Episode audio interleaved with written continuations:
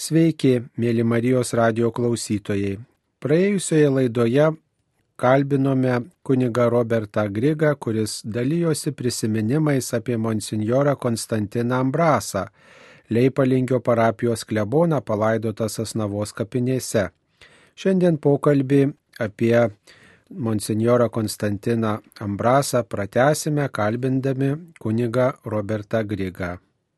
Jeigu kalbėtume apie kunigo Konstantino Ambraso biblioteką, jūs kaip patarnautojas, kaip jaunuolis gal ten irgi turėjot progą užmesti akį ar kokią knygą gal skolinot ar prašėt, ar jisai gal kaip tik tai sako, va paskaityk šitą, kaip jaunas virukas tau būtų naudinga.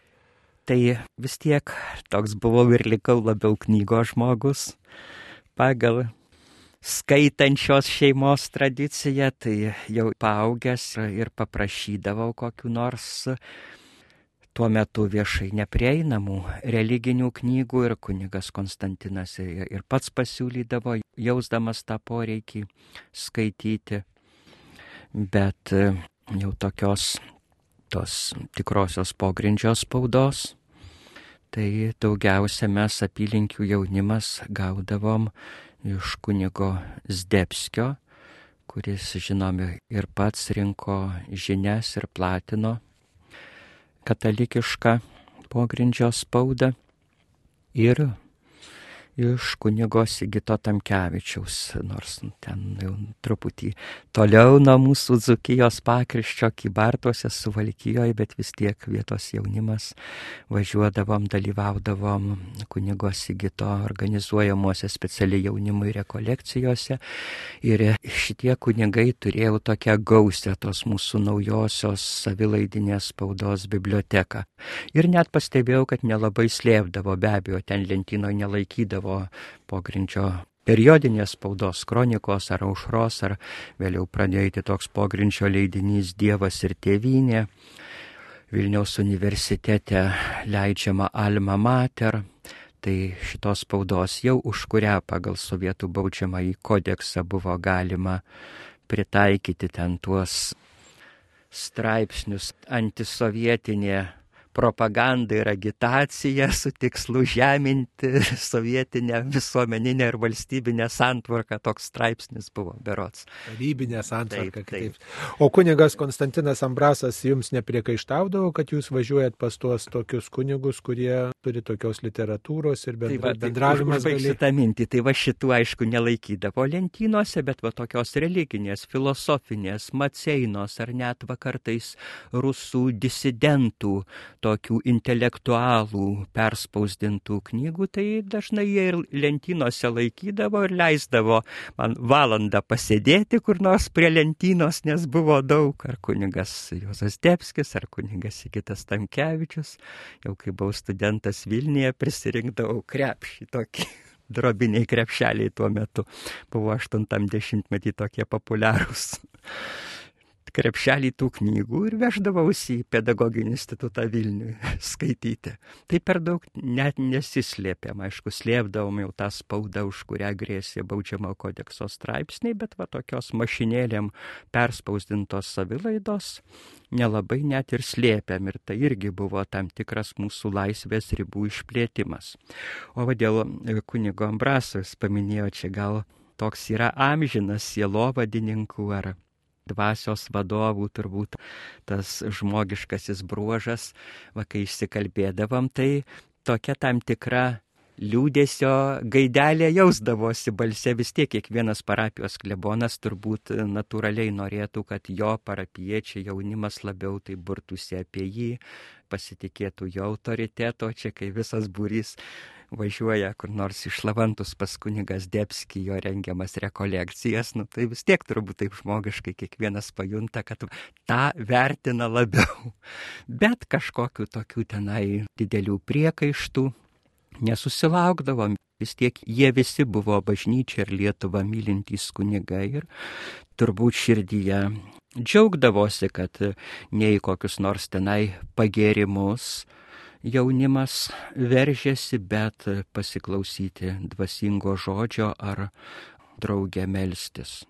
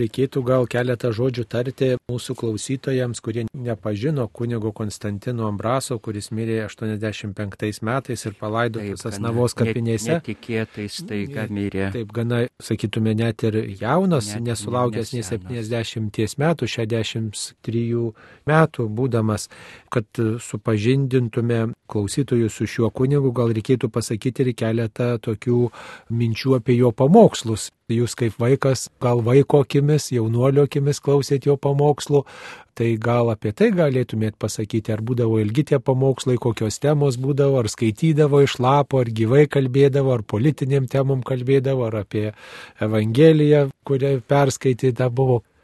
Kiek prisimenu, aišku, praėjau beveik kiek dabar 50 metų, beveik tai sunku taip viską atgaminti, bet toks bendras įspūdis yra išlikęs. Iš tikrųjų buvo iš tų kunigų, kurie taip jautėsi ruoždavosi pamokslams, neskaitydavo iš lapuko, ką turbūt visi klausytojai pajunta ir būna vis tiek tam tikras nuobodumas, net jeigu ten kažkieno paimtos ar išrašytos ir geros mintys. Turbūt pasirašydavo, kaip ir patarė ir daug išmintingų pamokslininkų daro tokias pagrindinės mintis bet buvo neblogas oratorius ir sakydavo, sakytume, tokius, kaip dabar ir bažnyčios jau yra ir rekomenduojama ne visai ta prasme, kaip mes senoji kartą sakydavom pamokslus, bet homilijas, kur suderindavo tos dienos evangelijos ar kokio bažnyčios įvykio ar minimos šventės temą su kokiomis nors gyvenimo ar Lietuvos aktualijomis. Tai kaip minėjau, kas turbūt irgi nebuvo visuotinis reiškinys okupuotoj Lietuvoje, jisai va taip, sakykim, vasario 16-osios proga, ar ten jeigu būdavo birželio trėmimų metinės, taip gana suprantamai neužmaskuotai paminėdavo tuos Lietuvai svarbius įvykius, tėvinės meilę, pakviesdavo melstis už Lietuvą ar už jos nekaltai kentėjusius, žuvusius. Ir taip vis tiek jautėme, kad esame šitoje srityje vienminčiai su savo klebonu. Tas turbūt svarbu parapiečiams. Ir būdavo jisai ką ne visada mes kunigai gal pajuntam, kai dabar popiežius Pranciškus sako, kad geras pamokslas, gera homilija ten neturėtų būti ilgesnė kaip penkios ar septynios minutės. Tai jisai va taip jautė tą saiką, būdavo gal ne penkios minutės ilgesnė pagal to meto, tų dešimtmečių įprotį, bet tokie neužtesti, neužtesti gerai taip sukomponuoti pamokslai, kur būdavo, kaip patariama kalbėtams, aiški įžanga, dėstymas, užbaiga, nepabosdavo klausyti. Ir aišku, pagal to meto sąlygas būdavo tokia apologetinė mintis atremti to metu to valdiško ateizmo daromus priekaištus, pateikti tikėjimo gynimo ar krikščioniškos moralės gynimo argumentų, kažkaip susijęjant su mūsų to meto dabartimi. Ir dar kas irgi, manau, buvo geras įprotis ir pradžiugindavo parapiją į visokias parapijos didesnės šventės, atlaidus mūsų Leipalingio bažnyčia yra mergelės Marijos dangun ėmimo titulo bet patys tokie didžiausi vasarą Liepos mėnesį vykstantys atlaidai taip nusistovėję jau turbūt per keli šimtmečius yra šventos onos atlaidai, kada būdavo taip tradiciškai jungiame su didelio turgumi miestelio aikštėje, suvažiuodavo žmonės iš aplinkinių kaimų ir miestelių.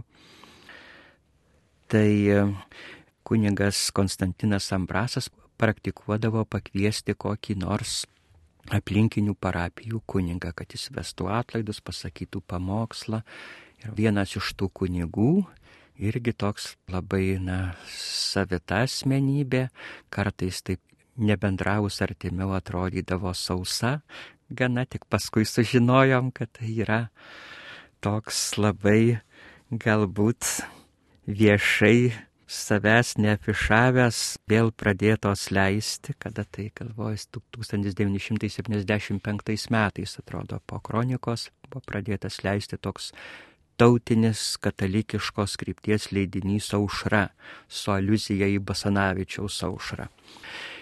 Tai buvo pasirodo jos redaktorius per tą visą laiką mūsų kaimininės parapijos, mažos parapijėlės ant Nemuno kranto Gerdašių, klebonas Lionginas Kunevičius, jau amžinatilsi. Toks kresnas, kietai sukaltas, visada aiškiai, tai praktiškai kalbantis, atrodydavo iš šalies toks gana sausokas žmogus, bet pasirodo, kad jisai yra tą leidinį ištvermingai redagavo per visą sovietmetį. Mhm. Taip ir nedemaskuota ir nesunaikinta specialiųjų valdžios tarnybų ir eilėraščius tokius klasikinius maironiškos stiliaus rašė Tai va, tai jį pasikviesdavo kunigas Ambrasas ir jis irgi tokiu savitu, jau kitokiu stiliumi, bet tokių argumentuotų, teigių pamokslų pasakydavo. Pavyzdžiui, man va taip yra dalykų, kur, taip sakau, praeina daug dešimtmečių, kiek keturiasdešimt, bet kokią galę turi žodis, viena kita mintis ima ir išlieka. Ir iš daugelio jis dažnai dalyvaudavo, pavaduodavo, kai reikėdavo kunigam brasą ir laiduose pamokslaudavo. Va įsiminė viena mintis tokia įstrigo, jis gal taip gana taip ekspresyviai sakydavo, įtaigiai tada kaip tik vyko ir dabar dar debe vyksta Šiaurės Airijoje tas konfliktas tarp protestantų ir katalikų katalikų, kurie ten daugiausiai yra Airijos patriotai, siekia prijungti tą Britų kontroliuojamą Šiaurės Airiją prie Airijos nepriklausomos ir tarp labiau Britaniją, Angliją remiančių protestantų, kurie siekia išlaikyti tą ryšį su Anglija. Ir dėja, abi pusės neretai ten kai būna konfliktuose, naudoja ir visokius žiaurius teroristinius metodus. Dabar gal tas kiek yra apslopę, bet vis matome ten nuolatinių susidūrimų, kur ten ta katalikybė ar protestantizmas, ko gero, yra nustumiama į šoną tų visokių politinių, patriotinių dalykų. Tai va, ir sovietai, aišku, tuo metu, va taip keistai, pas mus jie katalikų spaudė, o ten, kadangi jautė, kad sairių katalikų judėjimas kartais ir su bombomis, ir su šaudimais skaldo jų priešą Didžiąją Britaniją, tai jie reikšdavo spaudoj tokia tarsi atjauta tiems katalikams, maždaug čia nacionalinis judėjimas, mes jį palaikome. Britai imperialistai skriaudžia airius tokios veidmainystės sovietai turėjo. Ir kažkaip ten kalbėdamas apie artimo meilę, aišku, mums irgi daugam neaišku būdavo, kas čia teisus, tarsi norisi savus katalikus palaikyti. Jisai sakė, taigi viešpats Kristus liepia visiems vieni kitus mylėti. Ir mes krikščionys turim būti šitos meilės liudytojai. Tai jeigu jūs, sako, vienas kitą žudot ir sprogdinat, tai kokie jūs katalikai, kokie jūs protestantai? Ir va ta tokia jo mintis, tokia gana netikėta pagal to meto va, tą atmosferą ir tai, ką ta sovietų spauda rašė, va taip iki šiol įsiminė, tai privertė susimastyti. Tas sugebėjimas taip tarsi pakilti, ners virš tų tokių, kaip sakant, konfesinių simpatijų ir pažvelgti į visą tą problemą iš aukščiau, kaip turėtume vertinti to bendro Kristaus mokymo artimo meilės pagrindu, požiūriu. Tai kuniga Kunevičių pasikviesdavo į atlaidus, aišku, kaip kaimynai ir kunigas Albinas Deltuva kartais atvažiuodavo patalkinti. Kunigas Pranciškus Adomaitis Marijonas amžinatilsi, buvęs sovietų lagerių kalinys ir tremtinys. Ir tai va tų kunigų toks, kartais toks kitoks žvilgsnis, kitoks stilius iš tikrųjų praturtindavo parapijos gyvenimą. Tas irgi rodė klebono rūpestį, kad, kaip sako, ne neužimti vien tik tai savo, neuzurpuoti tų parapiečių, bet sakytume teikti jiems va, tą tokią ir dvasinio maisto įvairovę. Į kitus kunigus pasikviesti. Tai jis buvo kūrybingas ir rengiant pirmos komunijos katechezės, nes naudodavo filmukus tiems laikams tokias gana naujas priemonės, technologijas, kitaip sakant, ne tik tai kalbėdavo, bet ir tokia būdavo vaizdinė informacija. Ir jūs turbūt matėt filmus ir apie šventuosius, ir, ir apie... Surinkdavo ir vaikus, ir suaugusius, gal čia buvo tas toks ir apsiginimas, nes jau jeigu vien tik tai vaikus, tai valdžia galėtų priekaištauti, kaip jie sakydavo, kad va čia jau kažkokia nelegali mokykla, o kada su suaugusiais, su tėvais, vyresniaisiais, parapiečiais vaikai susirinkdavo, jau būdavo sunkiau prikipti. Tai irgi kartais prisimenu pačiuose bažnyčios patalpose ten. Jų šalia presbiterijos buvo gana daug. Tuo metu tai buvo tokia irgi turbūt nauja pažangi technikos priemonė, dabar jau atrodytų labai paprasta su visais mūsų išmaniaisiais telefonais ir internetu, po tokie dia filmukai tokiam nejudantys paveikslėliai per tokį apšviestą objektyvą, ranka sukant filmo kadrus ant ekrano ir nors ant baltos sienos rodomas išdidinto paveikslėlio didelis vaizdas. Jau buvo ir spalvotų tuo metu tų filmukų. Tai jisai turbūt ir visi veiklesni kunigai iš kažkur gaudavo tų religinių filmukų. Die filmai ten vadinosi. Die filmai vadinosi. Nejudantis buvo tokie statiški vaizdai. Statiški, bet va taip. Iliustracijos labai Apie paveikios. Parodydavo ant ekrano ir kažkas iš vyresnių tenai tikinčių žmonių, seselė vienuolė kokia, ar pamaldesnė moteris, ar pats klebonas, kiekvieną tą vaizdelį pakomentuodavo. Tai prisimenu apie, man atrodo, buvo tokie filmukai apie Dievo įsakymus, apie sakramentus Bet va taip konkrečiai, ką mums jaunimui parodė kunigas Brasas, tai prisimenu, buvo toks irgi kaip ir biografinis filmukas apie šventąją Bernadetą Subiru. Kaip tik šios. Liurdo šventąją. Marijos nekaltojo prasidėjimo šventės viena iš tų Marijos nekaltojo prasidėjimo tos tiesos, sakytume, gynėjų, liudytojų ir gynėjų. Taip, tai dar turbūt reiktų pabrėžti, kad Konstantinas Ambrasas, Leipalingio parapijos klebonas, mokėjo vokiškai ir tą savo kalbos mokėjimą panaudodavo tam, kad galėtų praturtinti savo pamokslus ir gaudavo informacijos, gaudavo knygų ar žurnalų apie šventąją žemę ir turbūt versdavo į lietuvių kalbą ir pamoksluose apie tai kalbėdavo, o taip pat turbūt ir vaikams ir suaugusiems įvairiom kitom progom yra apie tai kalbėjęs gal apie tai prisimenat, o gal kaip su jūsų tėčiu, gal kuris buvo vokiečių kalbos mokytojas, gal ta tema yra buvę pokalbių.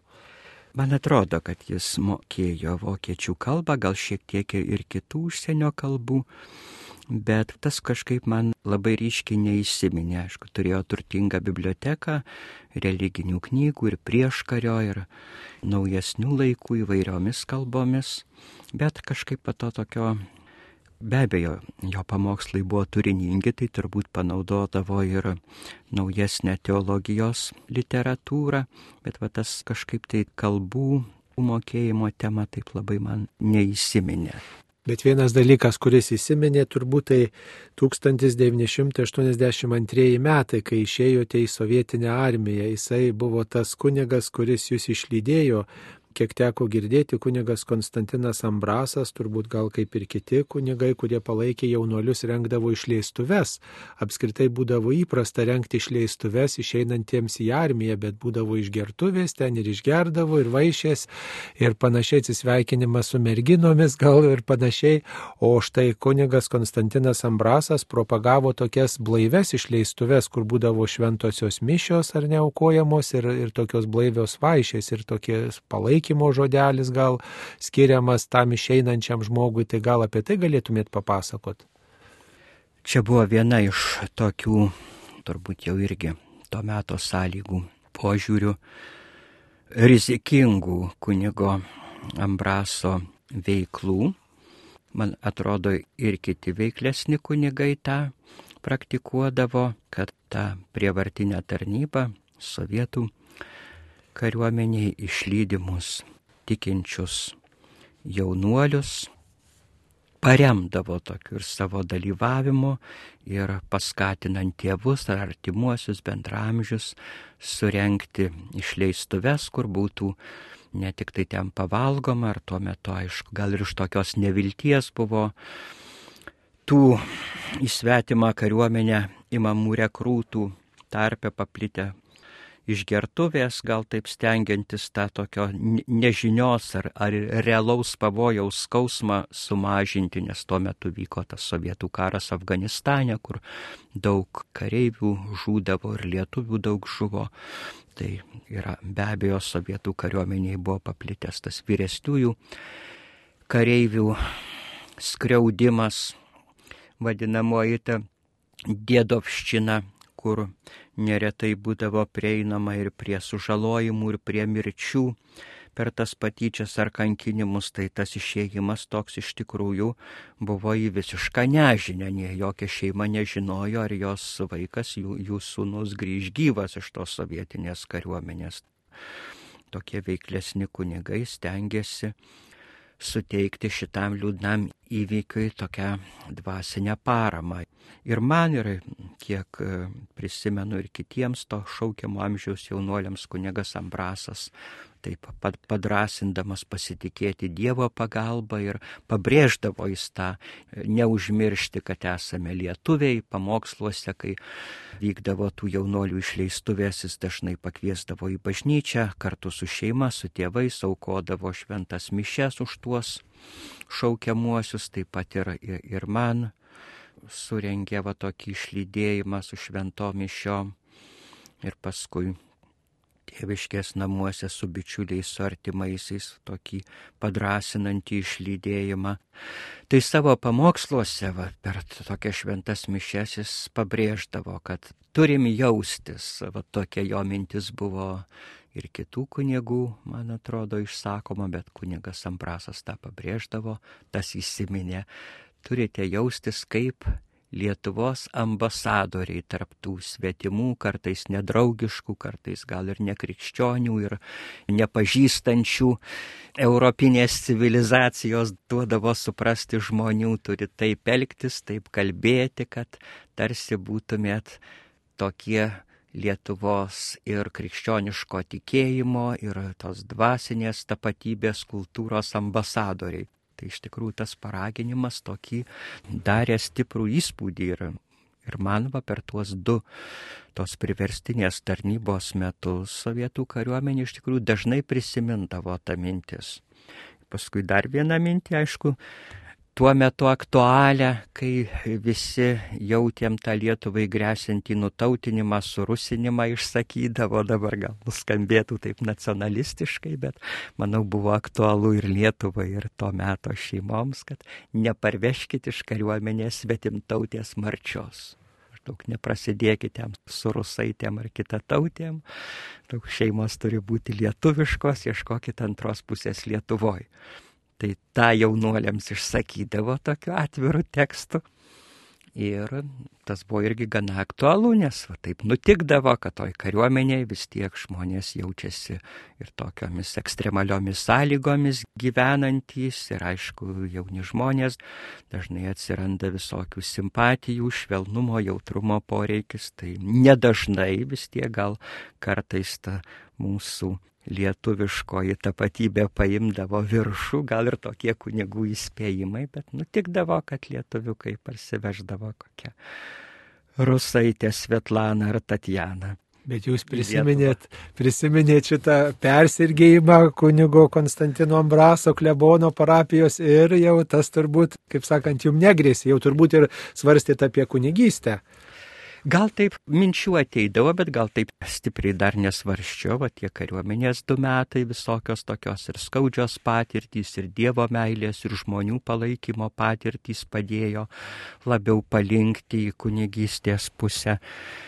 Bet labiau gal aišku ir tas kunigo paraginimas ir lietuviškas nacionalizmas. Lietuviškas rūpestis. Gerąją prasme. Gerąją prasme. Rūpestis, kad Lietuva išliktų lietuviška labai svarbus buvo mūsų to meto kartai. Tai kai grįžote iš kariuomenės, kai jau vis tas troškimas būti, tapti kunigu ateidavo, gimdavo širdį, ar esat apie tai prasitaręs klebonui Konstantinui Ambrasui ir išpažinti, ar šiaip kokiam dvasiniam pokalbį? Turbūt esame apie tai kalbėję, bet gal labiau irgi tai buvo natūralu, kadangi daug visokių ir bendrų veiklų, ir iššūkių siejo, tai labiau galva su kunigus Debskiu, su kunigu Tamkevičiu apie tai pasikalbėdavom. Gal net tuo metu dar nebuvo kunigas, buvo pasaulietis Vilniaus universiteto litonistikos dėstytojas kunigo Ambraso brolis Kazimieras, bet kadangi lietuvių kalbos išsaugojimo rūpeščiai kartu ir tie pogrindžio spaudos darbai labai jungė, tai man atrodo taip atvirai išsikalbėdavom ir su kunigu Kazimiero Ambraso visokius tokius svarstymus, kaip čia labiau galėtume savo gyvenimu pasitarnauti ir tikėjimu, ir tėviniai. O kai kunigas Ambrasas mirė 1985 metais, jūs jau studijavote pogrindžio seminarijoje, ar apie tai žinojo kunigas Konstantinas prieš mirtį, kad jūs studijuojat pogrindį, kad jau pamažu ruošiatės? Gal galėjo nujausti, bet kadangi buvom prašomi, tai per daug tos studijos vyko slapta ten dėl tų visų to meto kunigų seminarijos limitų suvaržymų, tai ir mūsų tie pogrindžio dėstytojai prašė tai per daug tuo nesigirti, neafišuoti. Tai per daug turbūt ir iš tokio konspiracijos poreikio turbūt ir neišsikalbėdavom. Apie kunigo Konstantino Ambraso tokį pastoracinį svorį, asmenybės tokią brandą ir tokį tikrai kaip tokį svarų kunigą byloja ir tai, kad jis buvo pristatytas kaip kandidatas į vyskupus netgi. Ar esate apie tai girdėjęs kažką?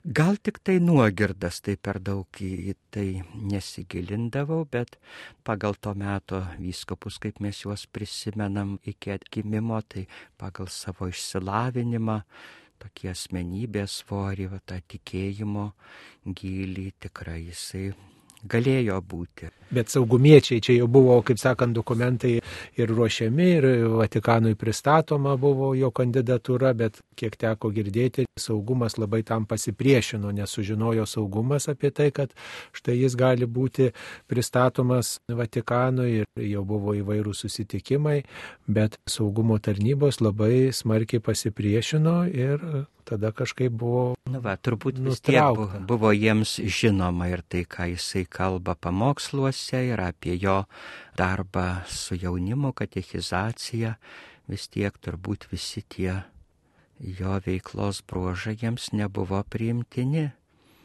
Matyt, nebuvo įsitikinę, kad bus jiems labai paklusnus ar, ar valdomas vyskupas yra tekę girdėti, kad tuose susitikimuose su saugumiečiais jisai netgi kvietė pakeisti juos pažiūras, tapti katalikais, atrasti tikėjimą, tiesiog bandė apginti krikščionišką tikėjimą ir, ir parodyti jo vertę. Jiems bandė sakyti, kad jūs gal vyrai tapkite katalikais tokiais rimtais ir meskite šitą užsiemimą. Galėjo būti tai visai va, kiek esame bendravę, kiek pažįstu, būtų jo tokį tikėjimo skelbimo, evangelizacijos stilių atitikė. Įdomus dalykas, kad keletą metų atrodo prieš mirtį, vis tiek tada jau sovietų valdžia stengiasi šiek tiek galbūt ir dėl tų kronikos perdodamų į vakarų žinių, jie jau stengiasi pagražinti savo veidą prieš vakarų pasaulį, taip pademonstruoti, kad čia yra tikėjimo laisvė, kad bažnyčia jau nėra taip labai persekiojama. Tai vienu metu grupė Lietuvos kunigų ir tarp jų mūsų klebonas Konstantinas Ambrasas buvo valdžios išleisti, jeigu neklystų, tada vyko tarptautinis eucharistinis kongresas Liurde, garsioji Marijos šventovėje Prancūzijoje, ir grupė lietuvių kunigų taip pat išleido kas buvo labai retas dalykas. Tada jau žinome, kad be ypatingų komunistų partijos ar, ar jos institucijų leidimų į tą vadinamąjį kapitalistinį pasaulį, net ir į tas socialistinės šalis, ten Lenkijos ar Bulgarijos ar Čekoslovakijos tipo jau labai retai ką nors išleisdavo per visokias ten patikrinimus. Jeigu giminiai nėra tremtinių ar politinių kalinių ar kaip nors asmuo nežinomas kokiam nors opoziciniam nuotaikom tik tai tada išleisdavo. O va čia ir kunigus, ir tikrai kunigas Ambrasas nebuvo iš tų tokių labai nuolankių valdžios politikai žmonių, bet išleido. Jis labai džiaugiasi beje tą kelionę, prisimenu rodė spalvotas nuotraukas parapiečiams, pasakojo apie įspūdžius, be abejo, mums čia uždarytiems pusę amžiaus tas laisvai tikėjimą išpažįstantis vakarų pasaulis, tos minios valdininkų prie liurdo grotos iš tikrųjų turėjo padaryti didžiulį įspūdį. Tai va, tai tarsi ten išleido, pademonstravo tokį kaip ir nuolaidumą valdžia, bet kaip sakot, jau kai kilo minčių, kad gal Vatikanas norėtų konsekruoti vyskupų, jau nepritarė. Tai va tokio vis tiek pasitikėjimo neturėjo.